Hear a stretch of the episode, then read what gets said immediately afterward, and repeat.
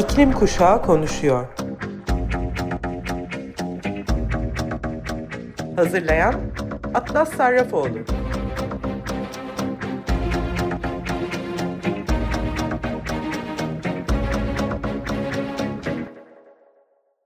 Merhaba sayın Açık Radyo dinleyicileri. İklim Kuşağı Konuşuyor programına hepiniz hoş geldiniz. Ben Atlas Sarrafoğlu ve sizin için önümüzdeki yarım saat içinde geçtiğimiz haftanın iklim haberlerinden derlediklerimi sunuyor olacağım.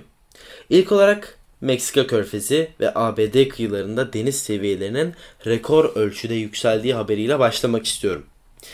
Yeni bir araştırma ABD'nin güneydoğu kesimleriyle Meksika körfezi kıyılarında 2010'dan bu yana deniz seviyesinde yaklaşık yılda 1.27 santimetrelik yükselme meydana geldiğini ortaya koyuyor. Bilim insanları deniz seviyelerinde hızlanan yükselmenin insan kaynaklı iklim değişikliği ve doğal iklim değişkenliğinin bileşik etkileriyle bağlantılı olduğunu ifade ediyor. Tulane Üniversitesi Nehir Kıyı Bilimi ve Mühendisliği Bölümü öğretim üyesi ve araştırma yazarı Sönke Dangendorf bu hızla artış oranının en azından 20. yüzyılda benzeri görülmemişti ve aynı dönemde küresel olarak meydana gelen ortalama yükselmenin 3 katı olmuştur diyor. Nature Communications'da e, yayınlanan çalışmanın yazarları 1900'den bu yana uydu ölçümlerini inceleyerek yüksel, yükselmedeki ivmeye etki eden unsurlar, unsurları belirledi.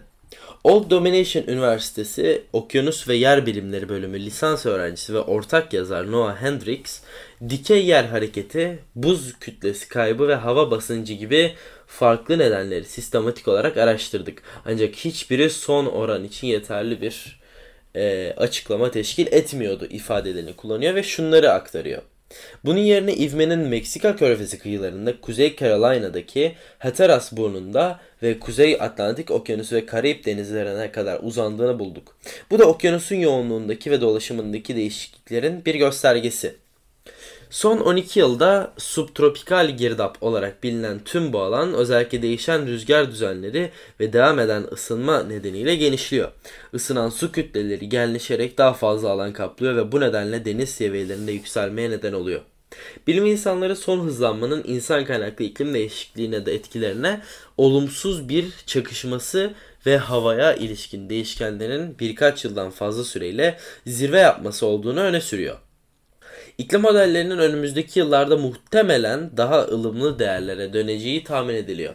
Tulane Üniversitesi Yer ve Çevre Bilimleri Bölümü öğretim üyesi ve ortak yazar Toburn Turnquist ancak bu her şeyin yolunda olduğu anlamına gelmiyor diye uyarıyor ve ekliyor. Deniz seviyesindeki bu yüksek artış oranları özellikle arazinin de hızla sular altında kaldığı Louisiana ve Texas'taki savunmasız kıyı şeritlerinde daha da fazla stres yaratıyor. Dangendorf sonuçlar iklim değil, iklim krizinin Körfez bölgesi için aciliyetini bir kez daha gösteriyor. Bu zorluklarla sürdürülebilir bir şekilde yüzleşmek için disiplinler arası ve işbirlikçi çabalara ihtiyacımız var diye de belirtiyor. Yükselen sadece denizler değil tabi. NOAA kısaltması ile Uluslararası Okyanus ve Atmosfer İdaresi'nin raporu atmosferdeki karbondioksit, metan ve nitroz oksit seviyelerinde hızlı bir artış olduğunu gösteriyor. NOAA'ya göre küresel ısınmaya ve en önemli katkıda bulunan insan faaliyetlerinden kaynaklanan karbondioksit, metan ve nitroz oksit atmosferik seviyeleri 2022 boyunca hızla artmaya devam etti. Karbondioksit seviyeleri art arda 11. yılda milyonda iki parçadan fazla arttı ki 65 yıl önce izleme başlangıcından bu yana görülen en yüksek karbondioksit artışı. 2013'ten önce bilim insanları arka arkaya 3 yıl boyunca bu kadar yüksek karbondioksit artışı kaydetmemişti. Atmosferdeki karbondioksit artık endüstri öncesi seviyelerden %50 daha yüksek.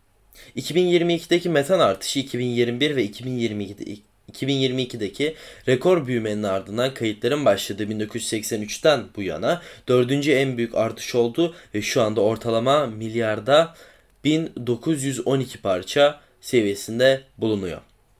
Metan karbondioksitten daha az miktarda bulunan ancak dünyanın atmosferini çok daha hızlı ısıtan güçlü bir sera gazı ve bugün tüm sera gazları tarafından tutulan ısının yaklaşık %25'inden sorumlu.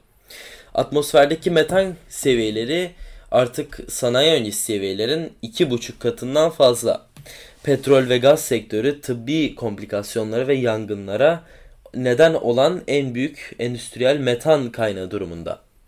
Üçüncü en önemli insan kaynaklı sera gazı olan nitroz oksit seviyeleri geçen yılki 1.25 ppb'lik artışın ardından sanayi öncesi seviyelerin %24 daha yüksek fosil yakıtlı çalışan arabalar, otobüsler, kamyonlar, tarım makineleri insan sağlığına ve su kaynaklarına zararlı önemli bir nitroz e, oksit kaynağı. Ancak son yıllarda artan nitroz oksit seviyelerinin arkasındaki başlıca suçlular sentetik gübreler ve endüstriyel tarımdan elde edilen hayvan gübresi. NOAA yöneticisi Rick Spinrad, NOAA bilim insanları tarafından 2022'de toplanan gözlemler sera gazı emisyonlarının endişe verici bir hızla artmaya devam ettiğini ve atmosferde binlerce yıl kalacağını gösteriyor. Şimdi sera gazı kirliliğini ele alma ve insan kaynaklı emisyonları azaltma zamanı dedi. Bilim insanları onlarca yıldır feci sonuçlarla karşı karşıya bulunuyor. Ancak fosil yakıt kullanımı ve diğer zararlı insan faaliyetlerini azaltmaya yönelik anlamlı iklim eylemi büyük ölçüde petrol ve gaz, tarım, savunma ve otomobiller gibi endüstrilerin etkisiyle ertelendi veya engellendi. İzmir Çeşme'de geçtiğimiz hafta etkili olan dolu yağışında plajlar dahil her yer beyaza bürünmüştü. Yaşanan tabloyu değerlendiren iklim uzmanı Profesör Doktor Murat Türkeş, yüzey ısınması kaynaklı bu tür hava olaylarının iklim değişikliğinin etkisiyle daha çok görüleceğini kaydetti. Boğaziçi Üniversitesi İklim Değişikliği ve Politikaları Uygulama ve Araştırma Merkezi Yönetim Kurulu üyesi Profesör Doktor Murat Türkeş, Çeşme'nin beyaz örtüyle kaplanmasına neden olan dolu yağışının dolu fırtınası olarak tanımlandığını, yüzey ısınması kaynaklı bu tür hava olaylarının iklim değişikliğinin etkisiyle daha sık görüleceğini belirtti. AA'dan e, alınan habere göre ise ilçede sabah saatlerinde yağan ve kar benzeri manzaraların oluşmasına neden olan doluyla ilgili değerlendirme yapan Profesör Doktor Türkeş, dolunun gök gürültüyle ve fırtınalı havalarda beklenen bir hava olayı olduğunu ancak Çeşme'deki gibi kuvvetli yağışın normal olmadığını ifade etti. Karaburun Yarımadası'nda batı ve kuzeybatıdan soğuk nemli, güneyden de sıcak ve nemli hava kütlesinin karşılaştığını, bunun şiddetli dolu yağışına neden olabildiğini aktaran Türkeş, bu olayın adı dolu fırtınasıdır aslında, dedi. İklim değişikliğinin etkisiyle yüzey ve alt atmosfer sıcaklıklarının sürekli arttığını belirten Türkiye şu değerlendirmede bulundu. Hava sıcaklıkları arttığı için buharlaşma da artıyor. Açık su yüzeylerinden, denizlerden, okyanuslardan, göllerden, barajlardan buharlaşma da artıyor. Atmosfere daha fazla su buharı veriliyor. Havada ısındığı için daha sıcak hava kütlesi daha fazla nem tutma kapasitesine sahip olduğu için bu tür gök gürültülü, şimşekli, fırtınalı hava koşullarını yaratacak cephesel sistemler artık daha etkili, şiddetli yağışlara yol açıyor. İklim değişikliğiyle bağlantısı bu. Biz buna hidrolojik döngünün hızlanması adını veriyoruz. Cinsiyetlerin getirdiği farklılıklar hayatın birçok alanında mevcut ancak cinsiyetin karbon ayak izini etkilediği artık kanıtlandı. Yeni bir çalışma en azından araştırmanın yapıldığı İsveç'te bekar erkeklerin en fazla karbon emisyonundan sorumlu olduğunu ortaya koydu. Peki İsveç'te yapılan araştırmada bekar erkekler neden emisyondan daha fazla sorumlu? Ulaşımın bireysel karbon ayak izine büyük katkıyı yapan unsurlardan biri olduğu biliniyor. Bekar erkeklerin daha fazla sera gazı emisyonundan sorumlu olmalarının en önemli ve belki de en bariz nedenlerinden biri daha fazla araba kullanma veya yalnız seyahat etme eğiliminde olmaları. Ancak Banque de France tarafından yürütülen çalışma eşitsizliklerin başka nedenlerini de ortaya koydu. Rapora göre bekar bir erkek bekar bir kadına göre %2 daha fazla harcama yaptığı eğiliminde. Bekar bir erkeğin satın aldığı ürünler ortalama %16 daha fazla sera gazı yaratıyor. Bekar erkekler ayrıca ulaşım %45 ve tatil %24 gibi sera gazı yoğun mal ve hizmetler için ayrıca harcama yapmıyor. Bekar kadınlar ise çevresel ayak izi küçük olan ve e, ürün hizmetleri daha fazla e, tüketme eğiliminde. Bu çalışma neden önemli peki? Çalışma tüketiciler arasındaki farklılıkları ortaya koymak ve üreticilerden ziyade tüketicilerin iklim değişikliği üzerindeki etkilerini anlamaya odaklanıyor. Toplumsal cinsiyet ve çevre et- etkileşimlerini dikkate almanın önemine işaret eden çalışma bu bilgilerin hem ulusal hem de uluslararası politikalar beklenirken etkinlik ve iklim adaleti hedeflerini güçlendirebileceğini de vurguluyor. Dünya geçtiğimiz ay kayıtlarındaki ikinci en sıcak Mart ayını yaşadı ve Antarktika deniz buzu kayıtlarındaki en düşük ikinci seviyeye ulaştı. Dünya Meteoroloji Örgütü'nün aktardığına göre Kopernikus iklim değişikliği hizmeti verileri durgun bir hava modelinin gözlemlenmesi nedeniyle ayın büyük bölümünde normalden serin sıcaklıkların yaşandığı Batı ABD dışında. Mart ayı boyunca dünyanın hem her yerindeki sıcaklıkların ortalamanın birkaç derece üzerinde seyrettiğini gösterdi. Küresel sıcaklıkları arttıran ve önümüzdeki aylarda etkili olması beklenen El Niño iklim modeli henüz başlamadan bu, bu sıcaklıkların kaydedilmesini birçok iklim bilimci endişe verici olarak yorumladı. Mart 2023 ayrıca 20. yüzyıl ortalamasını aşan sıcaklıkların art arda kaydedildiği 529. ay oldu. Bu 44 yılı aşkın bir süredir nispeten serin tek bir ay daha yaşanmadığı anlamına denk geliyor. El Niño Doğu Tropikal Pasifik'te okyanus sularının ısınmasıyla başlıyor. Etraftaki havayı ısıtıyor ve kuzey yarımküre ile ötesinde hava modellerinin değişmesine neden oluyor. El Niño'nun hakim olduğu dönemde küresel sıcaklıklar daha yüksek seyretme eğilimi gösteriyor. Şu anda El Niño, La Niña arasında salınan kapsayıcı model olan El Niño Güney Salımı ENSO adı olarak nötr durumda. Diğer bir ifadeyle ne daha sıcağa ne de daha soğuğa yönelik belirgin bir itici güç yok. Ve sıcaklıklar iki uç noktanın ortasında kaydedilen sıcaklıkların endişe verici olması da aslında bundan kaynaklanıyor. Sıcaklıkları arttıran güçlü bir El Niño modelinin yaşandığı Mart 2016 halen günümüze kadar kaydedilen en sıcak Mart ayı olma özelliğini de korumakta. Önceki ayda dünya çapında kaydedilen en sıcak 4. Şubat ayı yaşanmıştı. Ondan önce ise Ocak ayı kaydedilen en sıcak 7. Ocak ayı olmuştu. Yakın tarihte yaşanan La Niña'nın ısınmayı baskıladığı da göz önüne alınırsa yaklaşmakta olan El Niño modelinin önümüzdeki aylarda gezegeni yeni sıcaklık rekorları listesinde üst sıralara taşıması oldukça muhtemel görünüyor. Yakında etkili olması beklenen El Niño ile 2023'ün en sıcak ilk 5 yıldan biri olarak sona ermesi kuvvetle muhtemel.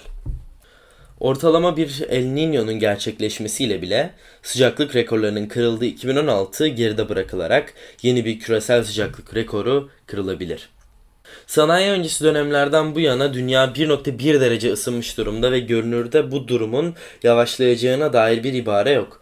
Kopernikus dünyanın Paris Anlaşması'nı öngördüğü 1.5 derecelik limitini Ağustos 2034'e kadar geride bırakacağını tahmin ediyor. Mart 2023 küresel olarak kaydedilen en sıcak 2. Mart ayıydı. Sıcaklıklar Güney ve Orta Avrupa'nın ortalamanın üzerinde ve Kuzey Avrupa'nın çoğunda ortalamanın altında seyretti. Kuzey Afrika, Güneybatı Rusya ve Asya'nın çoğunu kapsayan geniş bir alanda sıcaklıklar ortalamanın çok üzerindeydi ve bu bölgelerde Mart ayı için pek çok yeni yüksek sıcaklık rekoru kırıldı. Kuzey Amerika'nın kuzeydoğusu Arjantin ve komşu ülkeler ile Avustralya'nın büyük bir bölümü ve Antarktika kıyılarında da ortalamanın çok üzerinde sıcaklıklar yaşandı. Bunların aksine Batı ve Orta Kuzey Amerika'da sıcaklıklar ortalamanın çok altındaydı. Mart ayı ortasında ortalama okyanus suyu sıcaklıkları ilk kez 21 dereceyi aştı. Şubat ayında rekor ölçüde düşük bir düzeyin ardından Antarktika, deniz buzu genişliği ortalamanın %28 altında kaydedilerek uydu verileri kaydındaki en düşük ikinci seviyenin kaydedildiği Mart ayı oldu. Deniz buzu konsantrasyonları Güney Okyanusu'nun tüm kesimlerinde ortalamanın çok altındaydı. Arktik deniz buz genişliği ortalamanın %4 altındaydı. Bu uydu verileri kaydında kaydedilen en düşük 4. Mart ayı anlamına geldi. Diğer Arktik okyanus kesimlerinde çoğunlukla ortalamanın altındaki deniz buzu konsantrasyonlarının aksine Grönland denizindeki konsantrasyonlar ortalamanın çok üzerindeydi. Mart 2023'ün yağış özeti ise Mart 2023'te Kuzey Avrupa ile Türkiye'nin kuzeyinde kalan bölgede ve batıdan kuzeydoğuya uzanan bir şeritte ortalamanın üzerinde yağış görüldü. Mart 2023'te ortalamadan çok daha kurak koşullara maruz kalan bölgeler arasında orman yangınlarının görüldüğü İspanya ve Portekiz'i kapsayan İber Yarımadası'nın çoğu ile Alper, Alpler yayı, Orta Avrupa'nın bazı bölümleri, Doğu Balkanlar ve Hazar Denizi'nin kuzeybatısı kıyısı yer aldı. ABD'nin bazı bölgeleri, Asya'nın çeşitli bölgeleri, Afrika boynuzu, Yeni Zelanda, Kuzey Avustralya, Güney Afrika'nın bir kısmı ve Brezilya ortalamanın üzerinde yağış aldı. Birçok bölgede şiddetli yağış sele neden oldu. Devam eden bir kuraklığın yaşandığı Arjantin ise Güney Avustralya, Güneybatı Afrika ve Asya'nın bazı bölgeleri ortalamadan daha kurak geçti. Çoğu durumda bu koşullar ortalamanın üzerindeki sıcaklıklarla bağlantılıydı. Evet Sayın Açık Radyo dinleyicileri bir iklim kuşağı konuşuyor programında beraber sonuna geldik. Haftaya cuma tekrar saat 2'de görüşmek üzere diyorum. Ta ki görüşene dek kendinize, sevdiklerinize ve gezegenimize lütfen iyi bakalım. Görüşmek üzere.